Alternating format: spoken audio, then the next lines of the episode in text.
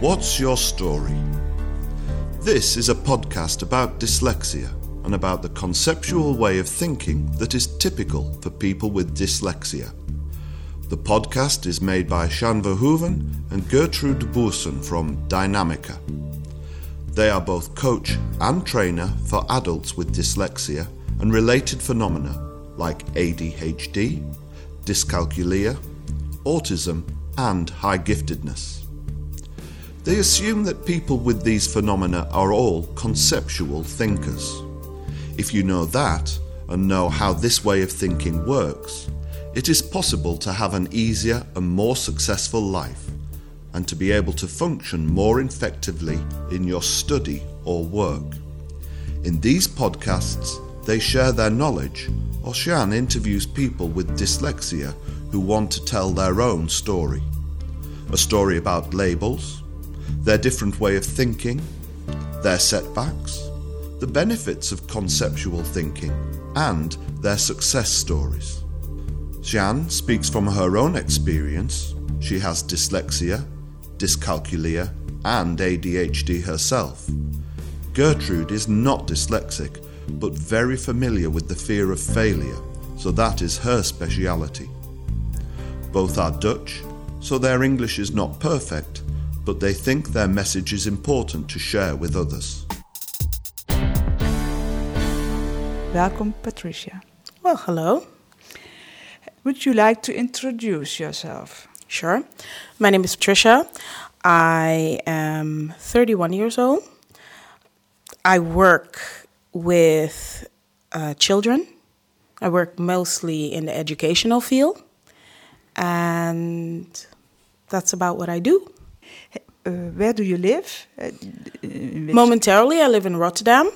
Ah, so you are living in, in, in the Netherlands? Yes, I live in the Netherlands. And what's your first language?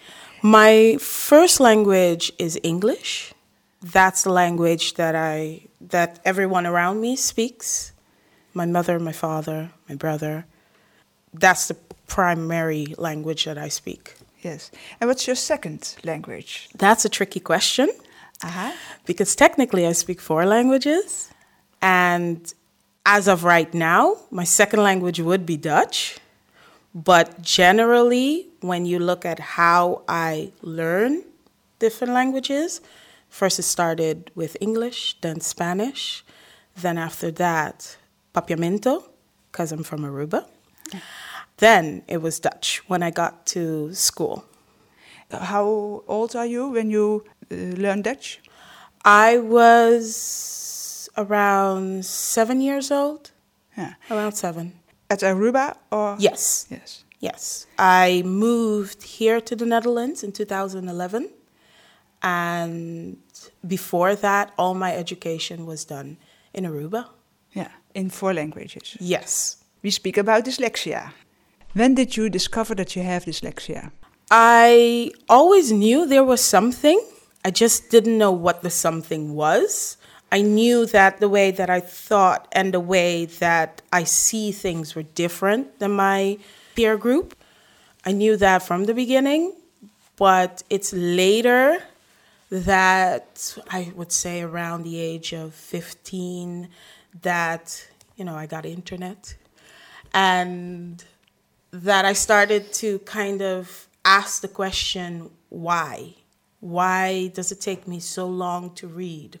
Why does it take me so long to learn something where a peer who doesn't have dyslexia, that I know now, it's quite easy.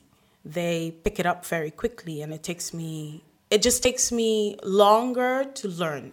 Yes, and then you you had uh, you saw something at internet. Yes, um, there were different tests, so I kind of Googled, and I did make a test. Don't remember right now what it was about. Could have been dyslexia, could have been um, something else. I don't really remember, but I do know um, that I approached the mentors at my school and I explained to them, you know, I've done this test and apparently I have this. And they both assured me, because there were two people there at the moment, both assured me that can be the case. If it was, then you wouldn't have gotten to the level you're at. And there is where I got a bit scared because then I would have to explain to them technically, I've been faking it. I really have no idea what I'm doing, but yeah, the ins and outs, I just figure out how to make a test. I figure out how to turn in a report and just try my utmost best not to have so many mistakes. Yeah. Yeah. And what kind of level uh, did you have at that moment? Um, in uh, let's see, if I have to use the the Netherlands version, that would be a VMBO, of- and that would be a secondary school, but at a lower level. Yeah. Yeah. So it would be VMBO um, four, level four Yes. here. So yeah, it's just a lower level. So it's not really a, a MAVO or it's not higher. No, and it's Yeah. not that high that you No, it- think.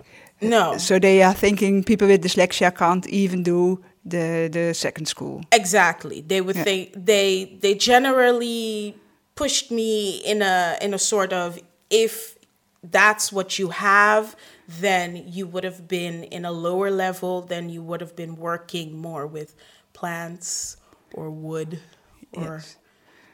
metal. So you wouldn't really be in in the childcare section. You wouldn't be able to achieve that. Don't know, or I can ask li- like this: Are that white people who said that, or are that are they knowing something about education? they were mentors, so they should know something. Yeah. I don't think it had anything to do with race. I really generally think it had to do with the fact that they really thought if you have something like that, then you're just held back. You're not able to achieve that level.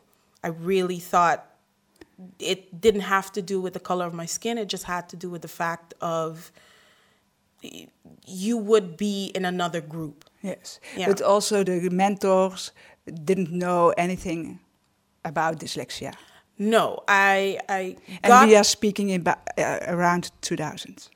Not that about would uh, be that would be in when I approached them. That would be in 1996, somewhere around there. Yeah. Yeah, that would be around 1996, 1997, somewhere Yeah. around there. Okay. Because I graduated in 1998. Yeah. Yeah. Going back to what you first said about your level, did they always put you in a lower level, or were you first put in a higher level?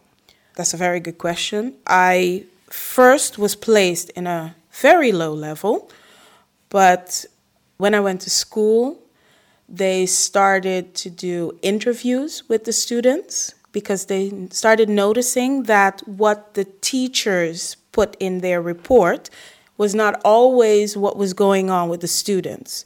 So they started interviewing us, and when I did the interview, they noticed she's n- not supposed to be in that level. So they put me in a higher level. And then two years later, when I approached the mentors about the test that I made, they then started to question Am I in the right place? which scared me. And I kind of took a couple steps back and said, "Oh no, no, no, no, no! It's just you know one of those random tests you do online. I just wanted information." So I was scared to tell them there is a problem and I need help. What were you afraid of? I was afraid that by me telling them that this is a problem, that they would put me in that lower level where I was technically supposed to be in the beginning, and that I wouldn't be able to make a life for myself. That I would only be able to work in a garden store, or that I would only be able to do certain things where I knew I could do more. It's not only what I can do, I can do so much more. So I was afraid that by them finding out that they would take me out of the group that I'm in and put me back where they thought I was technically supposed to be. So you never told them that you were dyslexic. no, I just started hiding it from everyone. I started saying things like, oh, yeah, I misread it because I can't see. Or I would say things like, uh, I did do the homework, but oh, my, my handwriting is not that good, so you won't be able to read what I said, just so they wouldn't uh, see the mistakes that I made in my sentences because I knew I made the mistakes, I just didn't know where they were. Yeah. And what did that do with you? Um, it kind of put me in a dark corner where I would have to keep lying. That's how I felt. I had to keep lying about the things that I could and I couldn't do. And if someone figured it out or noticed something, I would get quite um, aggressive and say, "No, that's not it. You you don't know," yeah. or "Why are you questioning me? What do you want?" So I would get very defensive and not want to look for the help, which maybe if I wasn't so defensive, it would have been noticed sooner than later. And when was it noticed? It was noticed um, at the age of 28. I was found out by a teacher. She noticed that I would always request to have all my reports done in English. At first, she found that kind of strange. Or if I had to do a test, that I would prefer to do a presentation. So she would. She then said that I wasn't allowed to do it anymore in English because then I could see what my mistakes are. I had to do it in Dutch, which then I got again defensive. So she went to my mentor at that time and she said, I think it's dyslexia. But because that person was my mentor and I had more of a bond with them, she said, maybe you could talk to her about it. And then I was called in, and she said, You know, I think it's this. And then, yeah, I generally broke down like, You found me. What am I going to do now? So that is when the process started of, okay, what do I have to do? How do I have to do it? Where do I have to go? All that whole process started. So you have a very hard life with that. I wouldn't say it was hard, but it was at that point was very difficult because then I'm in the Netherlands. I don't have the backing of my family. Yeah.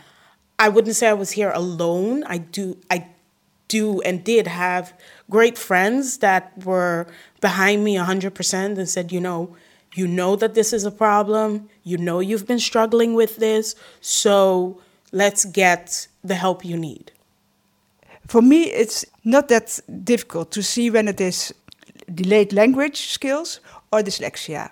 Can you tell people what is the, the difference be between delayed language skills or dyslexia? Um, in my own opinion, I think delayed language skills is when you don't have sufficient um, words in your vocabulary to be able to form a sentence. And with dyslexia, if you notice, it's not only in the one language present, but it's also present in other languages, then you're talking about dyslexia. Yeah. So that to me is what the difference is. And a lot of times I was placed in the category of delayed language skills that I just didn't have enough words in my vocabulary. I was always told, read more. I was always told, um, if you listen to children's songs, you'll pick up more on the language. Whereas if I didn't know how to put the many words that I already knew in a sentence correctly, then it wouldn't really matter if I knew the words or not. Form, so it doesn't really matter. So that to me is the difference between having a delay in your language and having dyslexia. It was present for me not only in English, not only in Dutch, not only in Spanish, not only in Papiamento, it was always present. The problem was I didn't know how to put everything in the right order. How did that affect your school career here in the Netherlands? It made it very difficult because a lot of the times I would have that one test if I just could do the reading or if I just could pass the writing, then I can move on to the other level. So that was always the point where that stopped me. I would always stumble over that part of if I just can get over this part, then I can go further. So that held me back a lot of the time. And f- when I first came, I first did pedagogical studies, and that has to do with the whole form of um, not only childcare but also with learning and development. So that entails everything, and was the same thing. If I just could pass the writing, then I can move on. And apparently, I've always had this stop when it came to mentors. So, a mentor called me in her office and she said to me, You know, sometimes certain dreams are just dreams. And that broke me because I was like, It isn't a dream, it's a desire. And she said to me, You know, sometimes there's just certain things you can't do. And sometimes you just need to accept that. So at that point, I just felt, you know what, I'm going to stop and I'm going to work on my Dutch because that's what the problem is. If I can work on that and I can get to that level and I can show them, hey, I do know it and I can do it, then I can get through. And as I was busy working on my Dutch, I started to notice this isn't a Dutch. Because when I got to the class and I took the test that I needed to take, they were like, we don't really know where to put you. Your level is too high. So then I was like, but they're telling me that my Dutch isn't good. And they were like, yeah, but we tested it. There's no problem with your Dutch. So I was like, why can't I go on? What's, where is it? So they said, you know, maybe it's something cultural. So they said, come in, um, work with us. Maybe there's just certain things in Netherlands that it's not really said. It's more everybody just knows. That's how it goes. So it's just un, unwritten rules. Yeah. So if you get that, maybe you can go on. So then I did that. And then when I went back, I decided, you know what? Maybe I'm pushing myself too hard with the Dutch. I need to go back to my primary language, which is English. So then I decided, okay, I'm going to do, I'm going to study to become an English teacher. And that's where I started to notice again in my first year, it went great. I passed all the tests that I needed to pass. And then it's when I got into my second year where I got, I needed to make um, the Cambridge test. And I passed my speaking, flying colors, not a problem. I passed my reading. There was a bit of an issue because I had a problem with um, not being able to read as quickly. Then I noticed, then it's when I got to my writing where it all kind of exploded from why am I back here again? Why am I having this problem again? It's not Dutch anymore. Now it's English. So this is, isn't supposed to be happening. And then I think it's when finally the teachers also started to notice hey, this doesn't have to do with her language, it has to do with something else. How did it go from that point? It started to move very quickly because I had um, two months left before I made the end test. So I had to then look for help. Then I noticed while I was looking for the help, I then noticed that no, I needed to take a test. And then when I started looking for places to take the test, because usually here in the Netherlands, this is something that they notice from your teenage years already. So you you already have done the test. Some people, not everyone, but they usually figure it out already. So you don't have to get to that point. So there's not many places I could find that would give an adult the test, and plus an adult that speaks other languages the test. So I finally did find one place with your help. that not only could do the test in Dutch, but also could do the test in English. And it just went quickly after that. I went and I did the test. It was a was a Tuesday afternoon. Mm-hmm. It was kind of cold. There was uh, hours of different tests where I was just like, how many questions more? Then finally they were like, okay, we'll let you know in a week. And then in a week, I got an email telling me, yeah, on my uh, 28th birthday, well, two days before, you have dyslexia.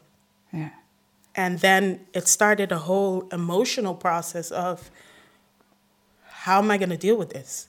Finally, I got the answer that I always knew I had. Yes. But now, how am I going to break down the fact I don't have to hide it anymore? Yeah. I don't have to pretend like I don't have to put up the shield anymore. Now I can say, this is what I have.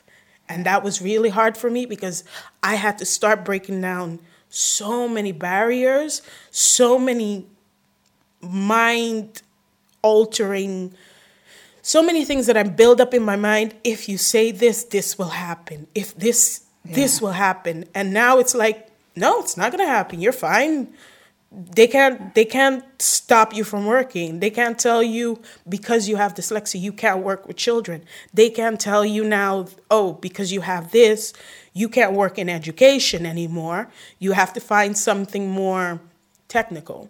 They can't tell you that anymore because it's not allowed. Yeah.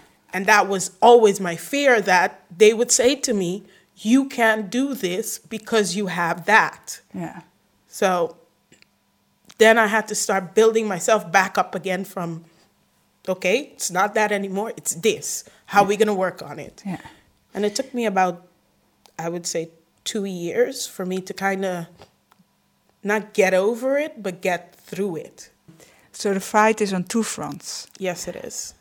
One is struggling with language, and the other one was struggling because you had to hide it.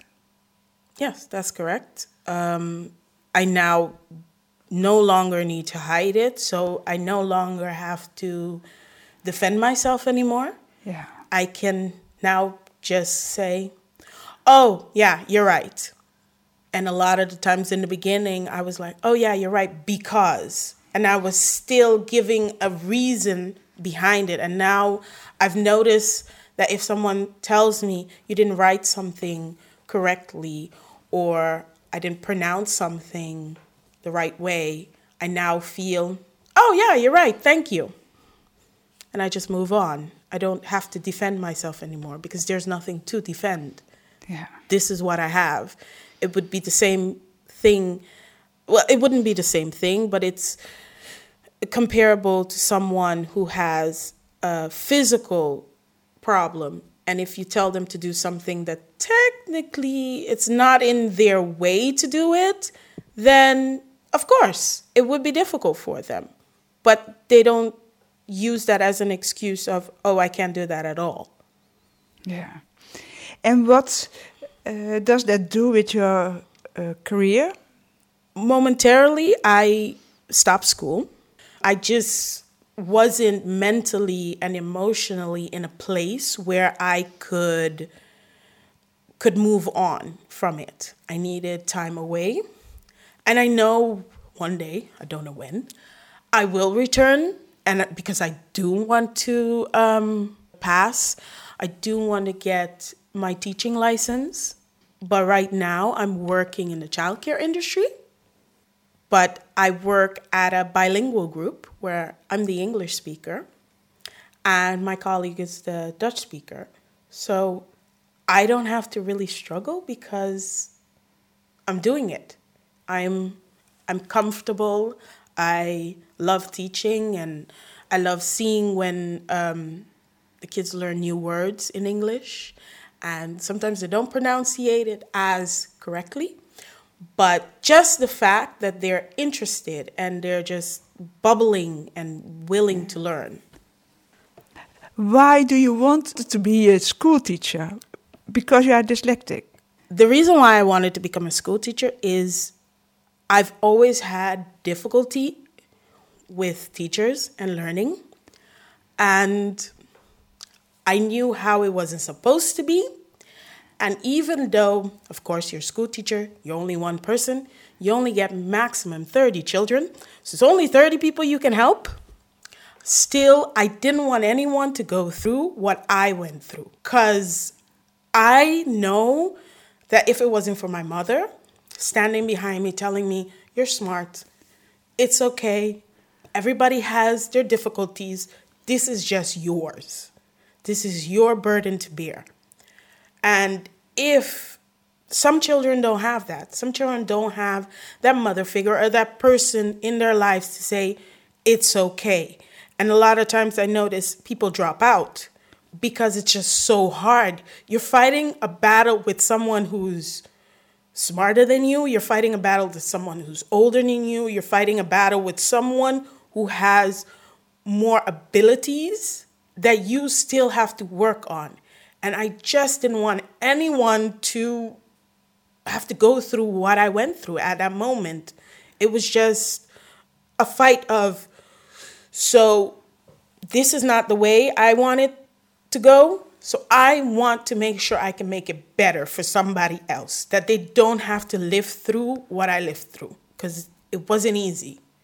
Yeah. So we wish that all the children who need you, they find you. Yeah, I just hope that I could be in in that position and I saw, hey, if I'm in education, I can stop this from happening or I can at least prevent it. Maybe not for everyone, but just for that one kid. If I mm. could do that for that child, great, yes. wonderful. Yeah. If I have a career of span of 30 years, 40 years, whatever, and I could just help that one child, I'm okay with that too mm-hmm. because I know how it feels to be there. I know how it feels to to a teacher say to you, technically, you're here warming up the benches, so you're not technically that important. There are other children who should be in the spot and you're just taking up time. Which I was like, if you just took a few minutes, yeah. you would you would notice, hey, she just learns differently. That's there's not something wrong with her. She's not slow. It's just she just needs to see it in a different way. And I think, yeah, because I ask so many questions and a lot of times there's no answer. But I just want someone to listen half the time. I don't really want him to answer because I know, no, that's not really an answer. Yeah, why is the sky blue? Crystallization. Because that would have been fine for me. Yeah. It's very passionate. Yes. yes. Um, yeah. I think I also got that from my mom that fact of when you're down, find a way to get back up. And if that way is by helping other people, then that's your way of standing up. Because I do get strength in um, when I see I can help someone and they're achieving their goals. Yes. I do get strength in that. And it yeah. makes me be able to move forward. So, what are your plans for the future? In the future, I would love to go back to school and get my teaching um, license. I would also like to start my own business if that's possible. In education, what exactly I don't know as yet, but I would like to be able to help. Maybe I wouldn't be able to do it in a classroom, but I've also noticed sometimes you don't need to stand in a classroom to make a difference. Sometimes if you're just standing outside, you can also help. Yeah. And do you want it to do in the Netherlands or? I don't know as yet. I um, I'm kind of weighing what it would take, how much financial backing I would need for that, and if thing that I want to bring is it already there, or does it need to be tweaked and made different to help different people? Because I don't only want to help people who have dyslexia, I also want to help people who have other um, learning difficulties that they can see, you know what, if she, a person who has dyslexia and only found out at a later age, can achieve something, then it's not that difficult for me to try. So that's what I would like to to just give to someone, you know. It's not that hard to achieve what you want. Yeah. It's going to take work and it might take a very very long distance that you have to travel, but you might just achieve it. And you have a lot of energy and a lot of. Uh, you have to had a big fight behind you, so you have now a lot of energy to put that in Exactly. the way up. Exactly. I I don't want to only work for someone, but I also want to be able to try my own thing. Yeah. I don't know if it will um, succeed, but I'm hoping it will. Yes, yes, and that's very important. You said everything moved quickly after you were told you have dyslexia. What did you mean by everything? After I found that out, I had gone home. I had done research. And at a certain point, I was in a relationship. And I told that person about it. And they said to me, you know what? Google all uh, people who have something to do with dyslexia and just send an email to them. And whoever answers you, you go to them. And before I came to you, done two interviews and there was one phone call. The first was the phone call out they called from Limburg. She did tell me she didn't know anyone in Rotterdam, but she did know someone in Amsterdam. And that's how I got your um, email address and also your website. And then before that, I had made two appointments with people that work with people with learning difficulties. And it was more that they were giving me strategies on how to deal with it.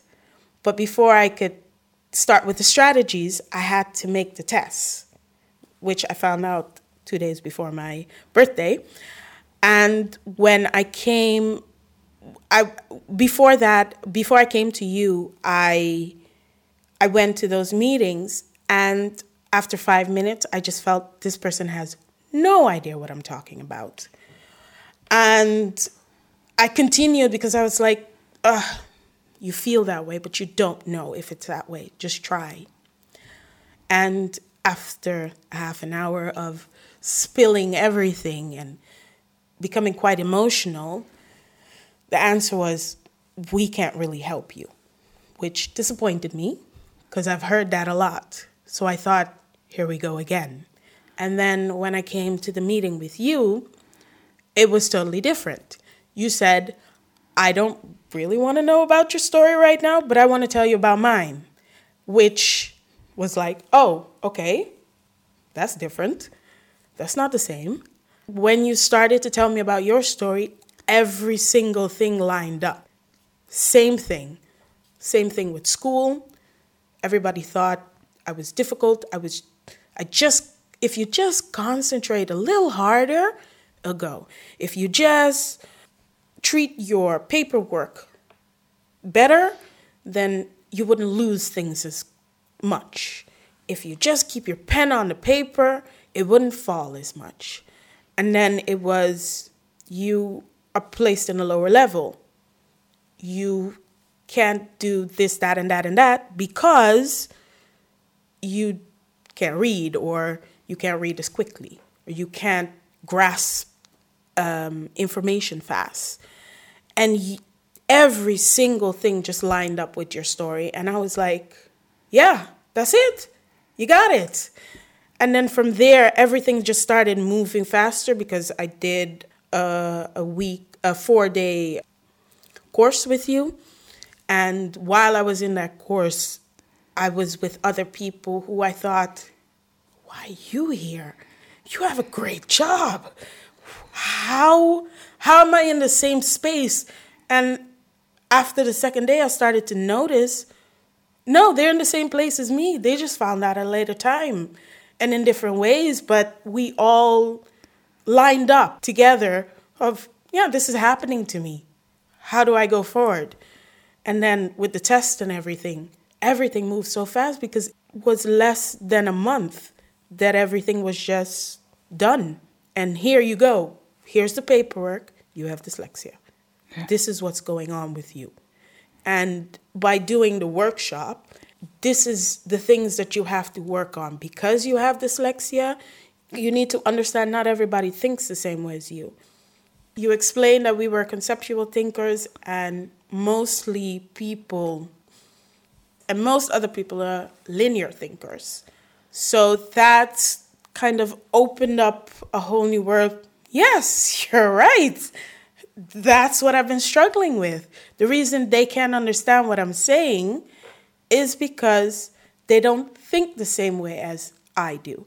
I think circular, zigzag, and they think linear.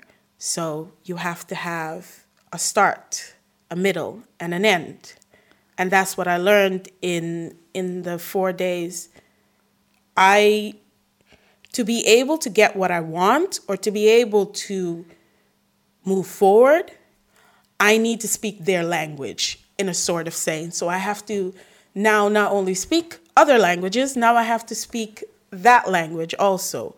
How do I present what I'm thinking in my head to someone who doesn't think the same way as me? And yeah, some people might say, duh that's clear, but it wasn't clear all the time because I just couldn't understand. But I'm speaking the same language as you. Yes. Why don't you understand what I'm saying? It's quite clear what I'm saying. And then afterwards, when I learned that, I went through different um, conversations that I've had. I've, I've gone through different situations, and I just noticed no, they didn't understand what you were saying because I shoot straight to the problem. And I hmm. said, This is what the problem is. And I think this is a solution. What are we going to do? And they're like, Wait, wait, wait, wait. What are you doing? Come back. Present the body. And now we get to what the problem is. And now we'll go to a solution. So I was just skipping everything. Yeah. And what else changed now you know you are a conceptual thinker? The energy that I used to give out and becoming so frustrated and having to keep this secret of there's a problem, it's not there anymore. So I don't feel as tired as I used to feel when I got home. I always felt like I didn't do that much. Why am I this tired? And why can't I just, you know, carry on just a little bit more because I have homework to do or I had a, a deadline that I had to reach.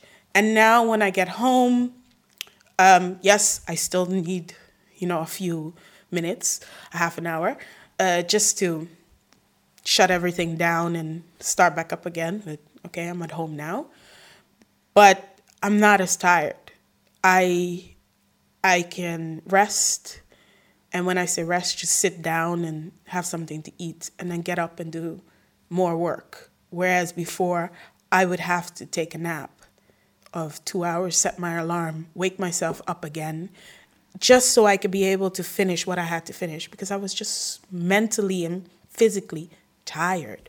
So that's changed. I don't give that energy out anymore because I don't have to. Yeah. You work with little children? Yes. When you suspect that they have a dyslexia, can you explain to them how this conceptual thinking works?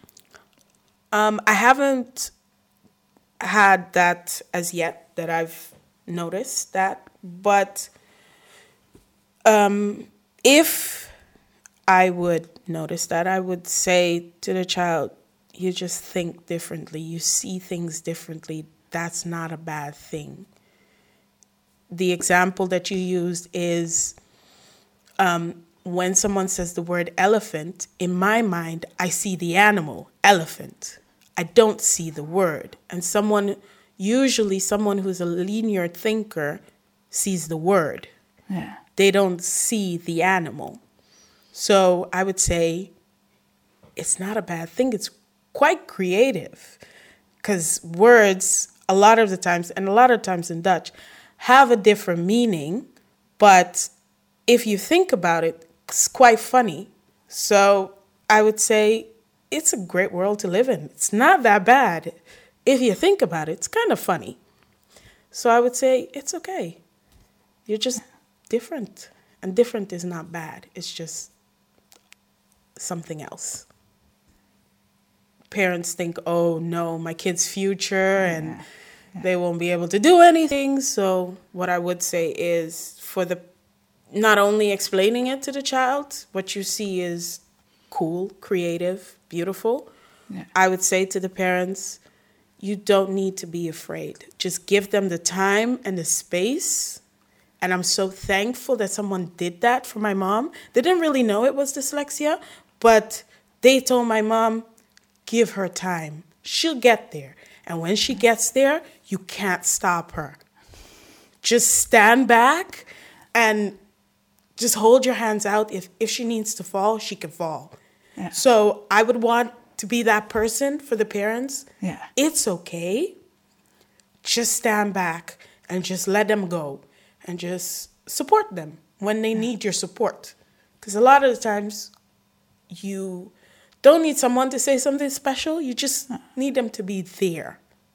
So just be there for your kids and just see them take off. It's gonna take a while. It's it's gonna be rough, but it's not it's not the end of the world and it's not like before you don't have to put them in an institution or you don't have to hide Yeah. you know this child Yeah. because they could be a disappointment you don't have to do that just just give them time and just help where you can help Do you have a tip for people with different backgrounds? I would say don't be afraid. They can't, by law, uh, tell you that you can't work in a certain place just because you have dyslexia. So you don't have to be afraid of being removed or being demoted. You might be demoted, but it would then be for a different reason. But don't be afraid if you know there's something, look for the help. There is. There it might take a while, it might go quickly, but if you just keep asking the question, someone will have the answer. So just keep asking. For me it was writing a very short email saying help. And for you it might be something else, but I found the help that I needed and turned out that the help that I needed was two stops away from the school that I was going to, which Okay. to me was kind of funny. Where all I had to do was go two stops and I would have gotten it. And if I didn't ask that question, I would have never known that. So just keep asking that question, keep asking it, and there is an answer. Is there something you would like to tell that I didn't ask? Um, there's not really anything that I have to add. I'm just hopeful that if there is someone listening that this might help them a little bit. It might not be dyslexia, it could be something else. It doesn't have to be a language delay, it doesn't have to be, but it could be something else. And I hope it helps whomever or that they can seek the help that they need. Because when you're wrestling with your emotions and it's not good to be alone with them because sometimes you need to go outside yourself to really know if what you're thinking is what is really happening. So just go get help. And yeah, it's not going to be easy, but you can do it because I'm doing it. I'm not saying I'm there yet, but I'm getting there. Thank you very much. Thank you. and I wish you a lot of success and happiness with your dream. Thank you very much. Would you like to respond to this podcast? Do you have questions? Or do you want more information? Then fill in the contact form on the website moveforwardwithdyslexia.com. Jeanne and Gertrude have written two books on dyslexia, and one of them has been translated into English. Move Forward with Dyslexia. This book is available from Amazon. Send this podcast to everyone you think should know more about dyslexia, ADHD, ADD, dyscalculia, autism, high giftedness, and conceptual thinking. This podcast was made in collaboration with Marcel de Hoog from Storytelling Media. He provided the technical, editorial, and moral support. Until the next episode.